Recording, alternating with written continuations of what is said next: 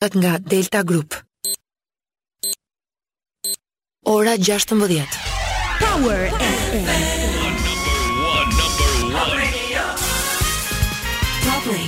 Flash në Top Albania Radio. Informacionet kryesore të ditës. Përshëndetje, këto janë lajmet e orës 16. Përshëndetje. Inflacioni ka kërcyer në tetë pikë një për qind në shtator sipas Institutit të Statistikave, niveli më i lartë i regjistruar në më shumë se dy dekada. Në të njëjtën periudhë të vitit të shkuar, norma e inflacionit ishte dy pikë pesë për qind. Ndikimin më të madh në shtator e ka dhënë shtrenjtimi i fortë i çmimeve të ushqimeve me katër pikë nëntë për qind si dhe transporti me rritjen e vazhdueshme të çmimeve të karburanteve. Krahasuar me shtatorin e vitit dy mijë e njëzet e një, rritja e çmimeve për të dyja këto grupe që marrin dhe gati gjysmën e buxheteve familjare, ka rezultuar dyshifrore.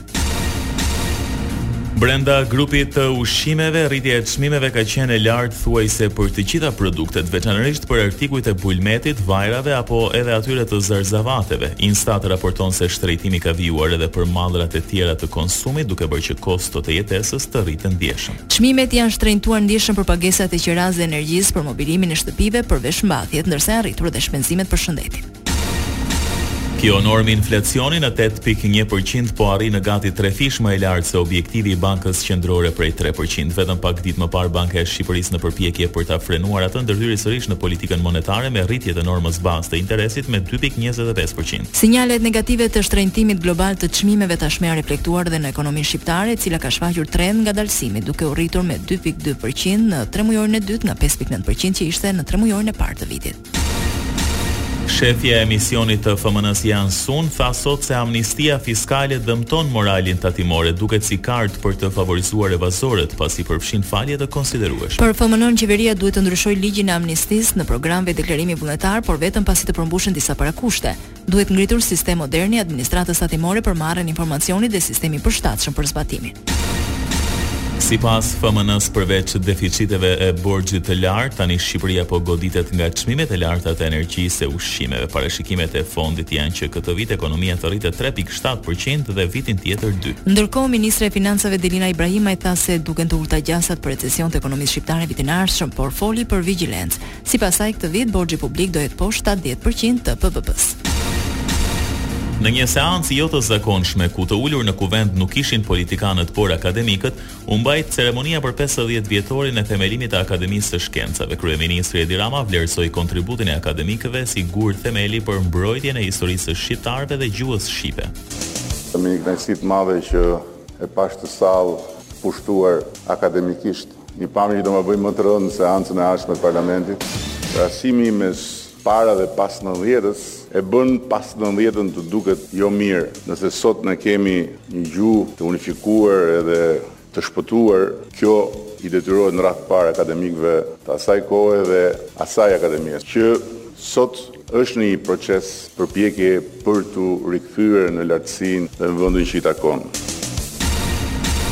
Në pesëdhjetëvjetorin e Akademisë së Shkencave kreu i Partisë Demokratike Sali Berisha akuzoi kryeministrin Rama se vazhdon të falsifikojë historinë. Nga kjo Akademi, të cilës Edi Rama i thur sot lavde asaj dhe etërve të tij, u elaboruan falsifikimet më monstruoze të historisë sonë kombëtare. Në veprat e saj, spikati mashtrimi, glorifikimi i të keqes dhe diktatorit. Akademia është bashkëfajtore, bashkëpërgjegjëse për tiraninë hiperkolektiviste që vendosi diktatori Enver Hoxha në Shqipëri. Për Berishën, viktimë e Akademisë së Shkencave nuk u bë vetëm historia, por edhe gjuha shqipe.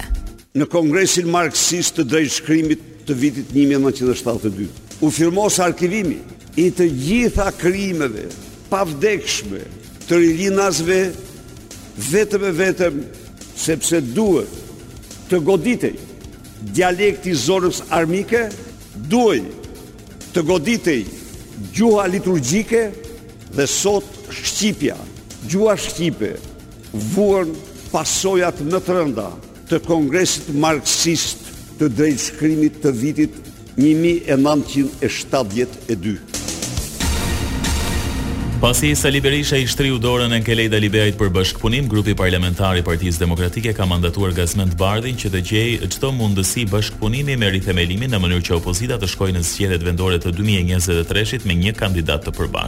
Shumica e deputetëve demokratë janë dakord për të dalë të unifikuar. Do marrim pjesë aty ku duhet duan demokratët. Absolutisht me një kandidat. Absolutisht e vetmja zgjidhje e vetmja rrugë është që Partia Demokratike e gjithë opozita duhet të dalin me një kandidat. Çdo zgjidhje tjetër i shërben vetëm një njeriu, Edi Ramës. Malësia e Madhe, bashkë me mua si deputet, sigurisht edhe me gjitha strukturat, Ne do bëjmë gjithçka që të jemi bashkë dhe të dalim me një kandidaturë. Sigurisht që do marrim dhe bashkinë, pa diskutim. Procesi i primareve për ju është okej? Primaret thashë bashkimi i Partisë Demokratike, kjo është primarja. Lajme nga bota. Pas muajsh pauze, sirenat e alarmit tronditën banorët e Kievit para bombardimeve ruse mbi objektiva civile. Një seri raketash ruse goditën jo vetëm kryeqytetin e Ukrainës këtë mëngjes, por dhe qytete të tjera të mëdha, nga sulmet ka shumë viktima civile. Raketat ruse që sot kishin shënjestër territorin e Ukrainës kaluan përmes hapësirës ajrore të Moldavisë. Kjo shtyu autoritetet moldave që të thërrasin të dërguarin e Moskës për shpjegime. Në Kiev, njëmbëdhjetë persona humbën jetën dhe dymbëdhjetë u plagosën. Rusia mori hak për sulmin e së shtunës që dëmtoi disa segmente të urës që e lidh me gadishullin e aneksuar të Krimesë. Presidenti i Francës, Emmanuel Macron shprehu shqetësimin për sulmet me raketa ruse kundër Ukrainës, duke theksuar edhe një herë mbështetjen e tij të plotë për vendin gjatë një bisede telefonike me Presidentin Zelensky. Ai gjithashtu shprehu angazhimin e Francës për rritjen e ndihmës ushtarake për Kievin, duke përfshirë dërgimin e pajisjeve ushtarake. Sport. Rrugtimin drejt Euro 2024, kombëtarja e nis me sfidën ndaj Polonisë në 27 mars të vitit të ardhshëm, në grup me kuad me katër skuadra të tjera kuqezinjtë do luajnë tetë ndeshje në fazën e kualifikimeve. Ndeshjet e kombëtares dhe të Kosovës do transmetohen në DigitAlb dhe për të gjithë shqiptarët kudo ndodhen me anë të aplikacionit OTT. Ndoqët një përmbledhje kryesore të lajmeve të ditës. Edicioni i radhës është në orën 17. Unë jam Edi Hallaçi. Unë jam Ani Bame. Kjo është Top Albania Radio.